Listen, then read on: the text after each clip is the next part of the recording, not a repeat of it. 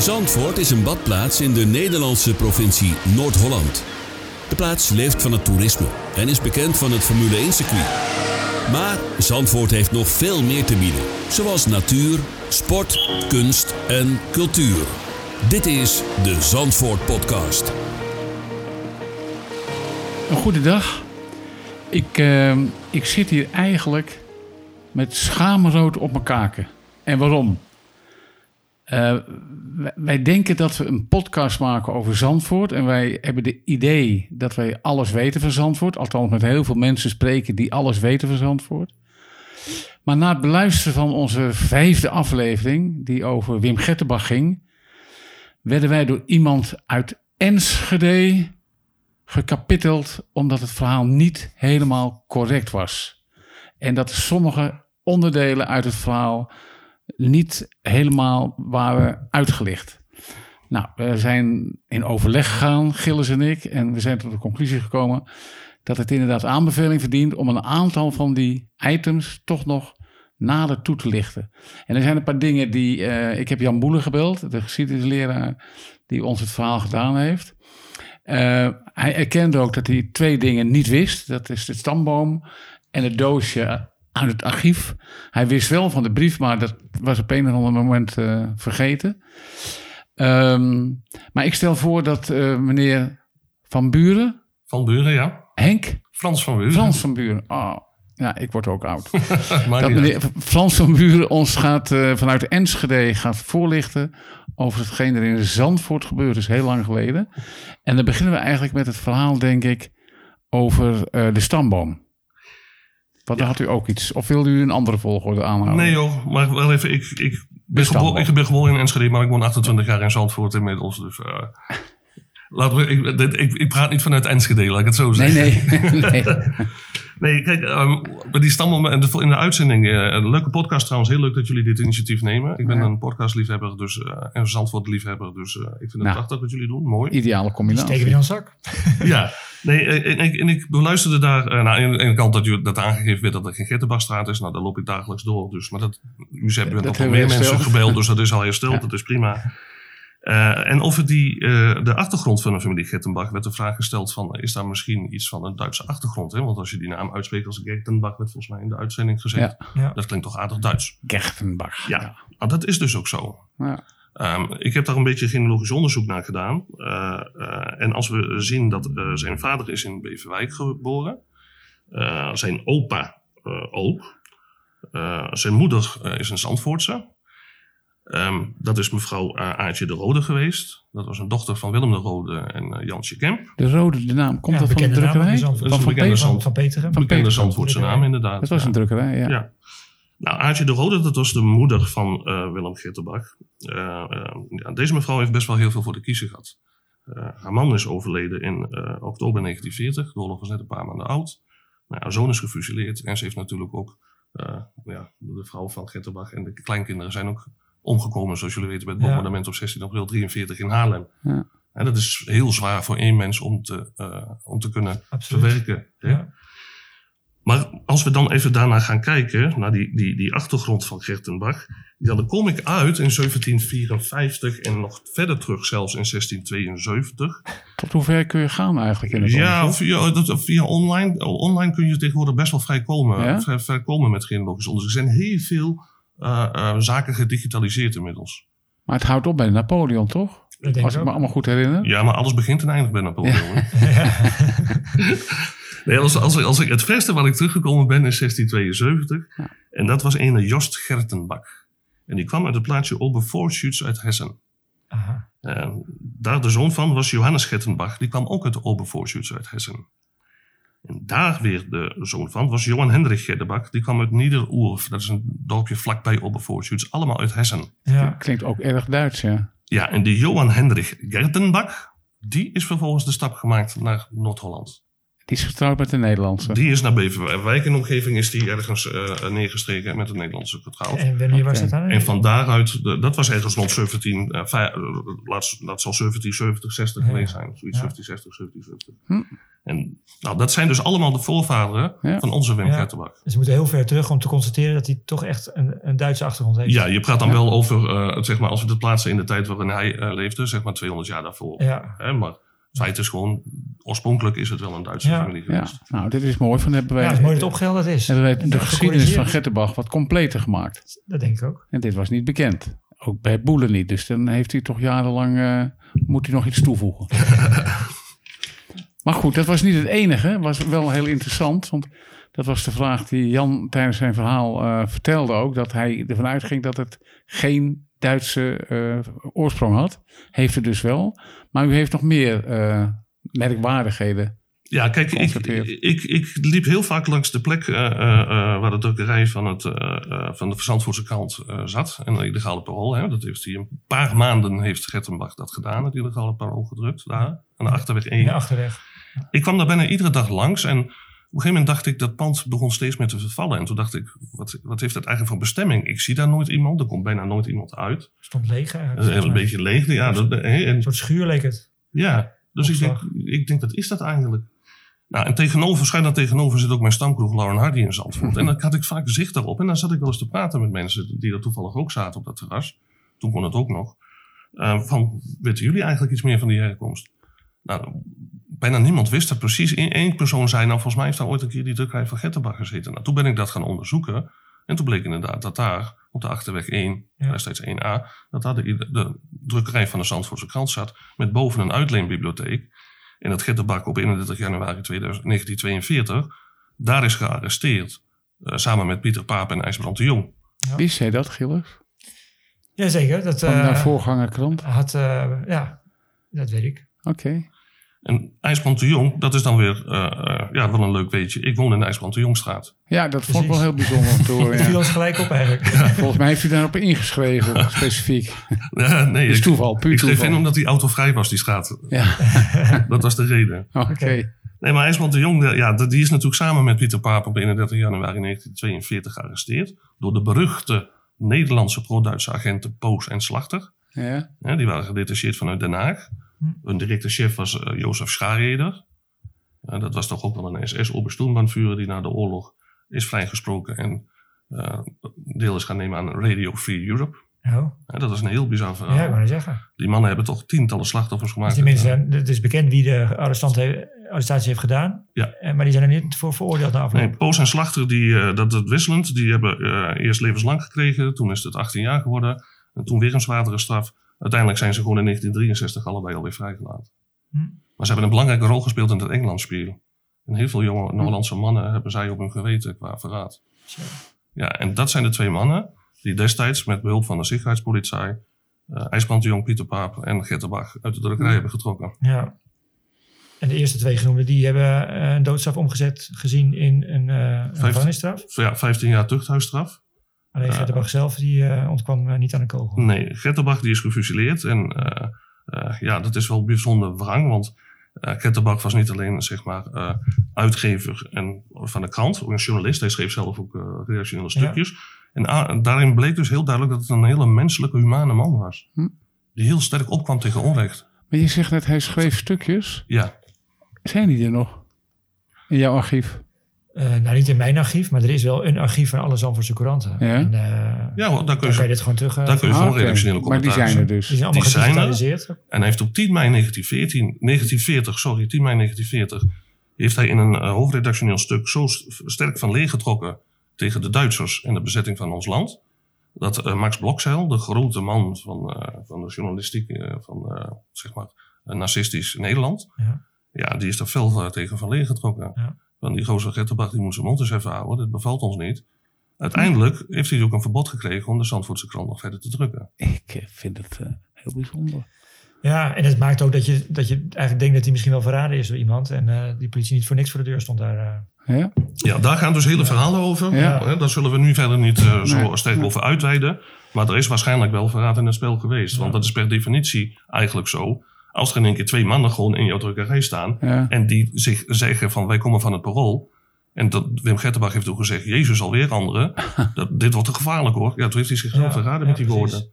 Denk je dat ooit nog eh, bekend zal worden wie, dit, wie dat waren? Of is het een nieuwe cold case? Nee, ik denk dat, dat, dat een aantal mensen dat misschien wel zullen weten, maar dat de, relevantie daarvan, naarmate van de jaren vorderen, Ja. dan wordt dat steeds minder. Hè? Nou, de, de relevantie zou alleen maar kunnen zijn dat het verhaal compleet is. Want, Dat het verhaal compleet is zeker, maar dat zal dan nog eens een keer heel goed uitgezocht moeten worden. ja, maar goed, dat gaat tijd kosten. Ja, daarom. dus, eh, Daarom.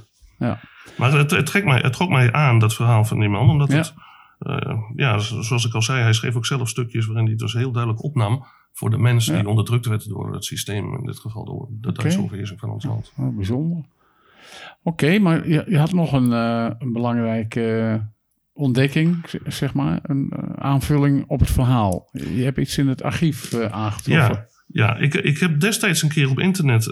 kijk, heel veel van die eh verzetstrijders die gefusileerd zijn, hè, die, die kregen natuurlijk de gelegenheid om een afscheidsbrief te schrijven.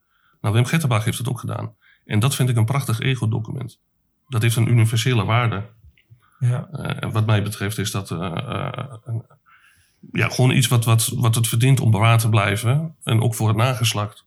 Het is een hele indrukwekkende afscheidsbrief. Ja, Helemaal als je weet dat, eh, zeg maar, nadat hij is gefusilleerd, binnen 2,5 maand eh, zijn zijn vrouw en drie kinderen ook omgekomen.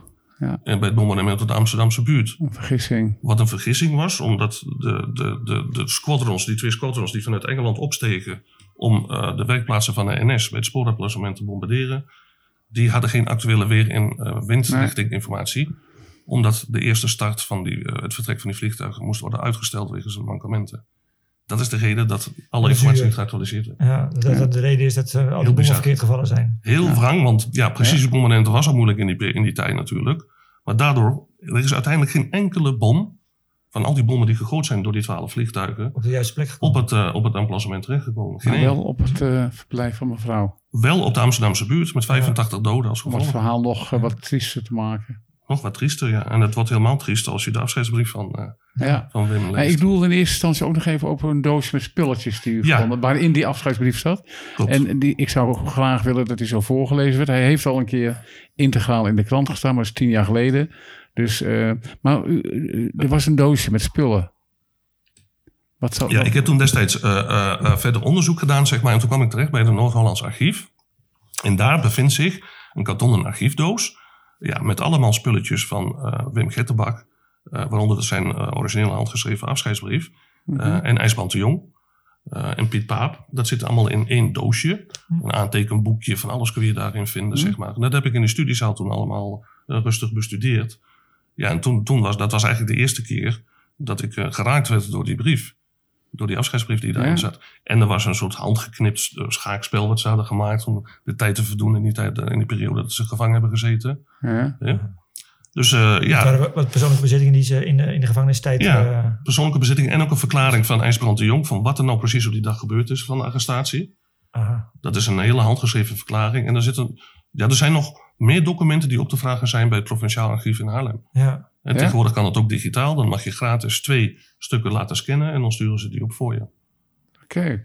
Maar in dit tempo, als je een maand moet wachten op een kopie, dan eh, ben je nog wel even bezig. Met Dat ben je nog wel even bezig. Ja, ben je wel even bezig. geduld is een schone zaak in deze. Ja, nee, ze- ja, zeker. In dit, eh, in dit beroep van eh stamboomonderzoeken. Ja, dan moet je heel veel geduld hebben, ja. Maar interessant. En eh, een, een, een, mooie is aanvulling eigenlijk het, het meest eh, emotionele wat in, die, in het doosje te vinden was. eh. Ja, Ja, weet je, als je, als je de, de, de, de brief neemt en het feit dat die kinderen van hem om 9 jaar oud, 3 jaar oud en 2 jaar oud en zijn vrouw van 40 jaar oud, hij zelf was 38 toen hij eh, geëxecuteerd werd. Als je dat allemaal bij elkaar neemt, dat voortijdig overlijden van bijna dat hele gezin, ja, dat is een, van een diep tragische menselijkheid. Ja. Als je dan die brief daar nog bij trekt, ja. Waarin dus gerefereerd wordt, misschien zien we elkaar weer terug bij de Heer. Ja, hoe kon hij bevroeden dat het sneller zou gebeuren? Inderdaad. Dan, dan, dan, dan die, ja, dat, dat, dat bedenkt niemand. En dat vind ik ook, daarom, maak, daarom is het voor mij een universeel ego-document. Ja. Ik heb nog één vraag. Is er verder nog een familie? Want de vrouw met kinderen is overleden, maar waren daar nog neven, nichten, zusters van die vrouw? Ja, hij heeft, hij heeft eh, eh, eh, één broer gehad, die is op eenjarige leeftijd al overleden. Hij heeft nog één broer gehad, die heeft langer geleefd. Maar er schijnt nog wel, via de, van de Roderskant volgens mij, nog een, Een soort achter. Er is nu nog altijd een familie de Roo, dus Er er zijn gaan we eens eh, in het dorp navragen of dat inderdaad eh, nazaten zijn. Er zijn, er nog wel, er zijn nog Ja, wel zijn na, er zijn nog wel na. Ik ken ze niet persoonlijk hoor, maar ze zijn nee, er nee, wel. Oké, maar goed. Ja. Dat zou nog de moeite waard kunnen zijn. Tenzij die al, al lang in beeld zijn. Dat weten wij niet. Dan krijgen we podcast 5C eh, straks. Ja, Eh, 5C, D. Rode.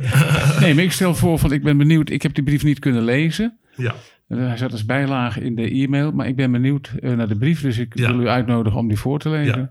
Nou, als inleiding zou ik dan even aangeven dat deze brief is geschreven op 5 februari om kwart over elf 's ochtends. Dat is de dag van zijn... De dag van zijn executie. ja. En eh, om twee uur, een paar uurtjes later dus, is hij geëxecuteerd. Dus deze brief is om kwart over elf, vlak voor zijn dood, geschreven. Ja. Hè? In de kriegsweergevangenis in Utrecht, want daar is die brief opgesteld. Nou, dan zal ik hem, eh, de brief Ja. maar even voorlezen. luisteren. Ja. De afscheidsbrief van Wim Gettenbak. Mijn lieve Ria, Wimmy, Liesje, Annemieke en moeder. Dit is de laatste brief die u van mij zal ontvangen, want om twee uur vanmiddag zal het doodvonnis over mij voltrokken worden. Wij zijn op het ogenblik met negen makkers in een celkamer en hebben zojuist dominee Luther, Duits predikant, bij ons gehad, waarmee, het avond, waarmee wij het avondmaal hebben gevierd en die ons troostvolle woorden toesprak. Rie, ik ben bereid om te sterven. Ik voel me wel erg verdrietig, maar sterk en rustig want ik weet dat al mijn zonden vergeven zijn en dat God mij zal opnemen in zijn eeuwigheid. Lieveling, ik had zo graag weer bij jullie teruggekomen om alles goed te maken wat ik verzaakt heb, maar de Heer heeft anders beslist en dat hebben wij ons bij te leggen. Ik ga rustig heen, in het volle vertrouwen dat God voor jullie zal zorgen en dat eens de dag zal komen dat we elkaar weer zullen zien, daar waar geen ellende en verdriet is. IJs en Piet hebben denk ik wel gratie ontvangen, dus hoor je te zijn de tijd wel naar de bijzonderen over. Onze laatste levensdagen. We hebben het goed met elkaar kunnen vinden en ik heb reuze steun van hen gehad. Rie, wees sterk en heb vertrouwen en lieve moeder, u ook. Draag het gemis van vader, draag naast het gemis van vader dit ook, maar weet dat Gods wil is geweest en ontvang in gedachten een flinke omhelzing en sterkte toegewenst.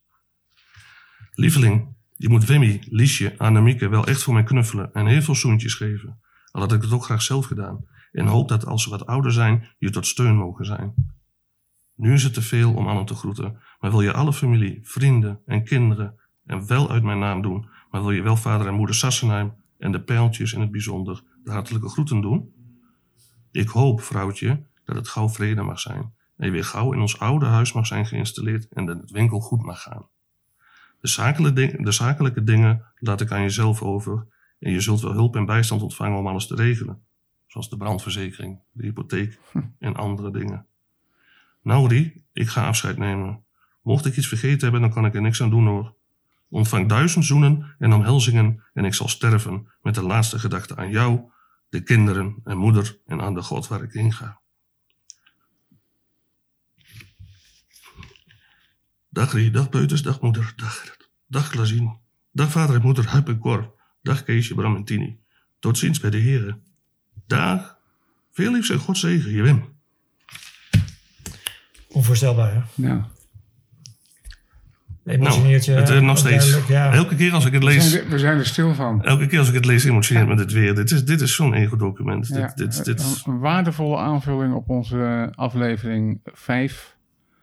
Met, eh, ja, ja. ik denk, eh, ja, ik, Ik vind, het zo, ik, ja, ik vind het zo bijzonder dat je dan op je allerlaatste uur, zeg maar, dan nog zo nog aan iets denkt, hè? eruit perst, Ja. zo oprecht. dit, En- ja, dit moet hem ook ontzettend veel moeite hebben gekost. ja, Want, zeker. want ja. je wilt eigenlijk iets anders uh, zeggen. Je wilt eigenlijk misschien iets, iets uitschreeuwen van, van pijn en hoe je je voelt, weet je wel. Frustratie, ja, boosheid, onrecht. Ja, en dan, het is juist positief eigenlijk, nog. Dus, Ja. eh, Ja. Dat haal ik er dan een hij, beetje probeert, hij probeert zijn vrouw en kinderen steun, steun te geven. Ja, en, en, en, zijn, en, zijn, en zijn ouders en zijn familie. En uit. Maar je hebt de, de handgeschreven versie gezien, hè? Is het dan eh doordrenkt met tranen of, of, of Nee, zie je dat- aan de, aan de nee, dat heb ik niet. Of, ja, ik ben heel benieuwd. Dat heb, eh, nee, dat heb ik niet echt eh eruit kunnen halen of zo. Ah, oké. Er zijn wel eh, brieven bekend, afscheidsbrieven van andere ver- verzetsmensen waar eh, bloedspatters op zitten. ja. Dat heb ik wel eens eh, foto's van gezien, zeg maar. Maar nee, daar staat me, dan had ik dat zeker geweten. Het was een krachtige man, dat is wel duidelijk uit deze... Hij was ook heel brief. geliefd in het dorp, want hij Ja. was altijd eh, humaan en opgeruimd en eh, kwam altijd eh, op tegen onrecht, et cetera. Maar dat hij hier dus eh, zegt van, eh, eh, we zullen elkaar weerzien bij de Heer op een plek daar waar geen pijn en verdriet is. Ja. En dan 2,5 maand later gaan die kinderen zelf ook en, en zijn vrouw gaan ook dood. Ja. Door dat bizarre misverstand. Het was in ieder geval een diepgelovig mens. hij, was ook, ja, hij was volgens mij ook meer SDAP gericht qua politieke voorkeur. Hij zat een democraat, hij was echt een democraat. Ja. Maar hij haalde ook volgens mij in zijn hoofdredactionele stukjes in de krant ook wel, eh, zeg maar, vaak ook wel het geloof aan. Ja. Maar in hoeverre hij echt diep gelovig was, dat, dat weet ik eigenlijk gezegd. Nou, nee, maar uit die brief zou je dat wel kunnen opmaken. Zeker da- uit die brief, dan, ja, dan wordt, dan, de heer noemt hij een aantal keren. Dus, eh, Ja. nou, ik, ik moet u heel hartelijk danken voor eh, deze aanvullingen op het verhaal. Ik Ja. denk dat we het misschien nog niet helemaal compleet hebben, maar wel completer dan dat het was. En dat is altijd goed. ja, Ik hou er maar van als een verhaal afgerond is. En dit waren toch wel belangrijke aanvullingen. nou prima toch? En dat, eh, nou, heel erg bedankt. En eh, wellicht gaan we elkaar nog een keer spreken over andere onderwerpen. Wie weet, je weet maar nooit. Bedankt. Dit was alweer het einde van de Zandvoort podcast. Bedankt voor het luisteren. Wil je meer te weten komen over Reesdorp en Badplaats Zandvoort? Om de week volgt een nieuwe aflevering. Abonneren of terugluisteren kan in je favoriete podcast-app, zoals Spotify, Google Podcasts of Apple iTunes.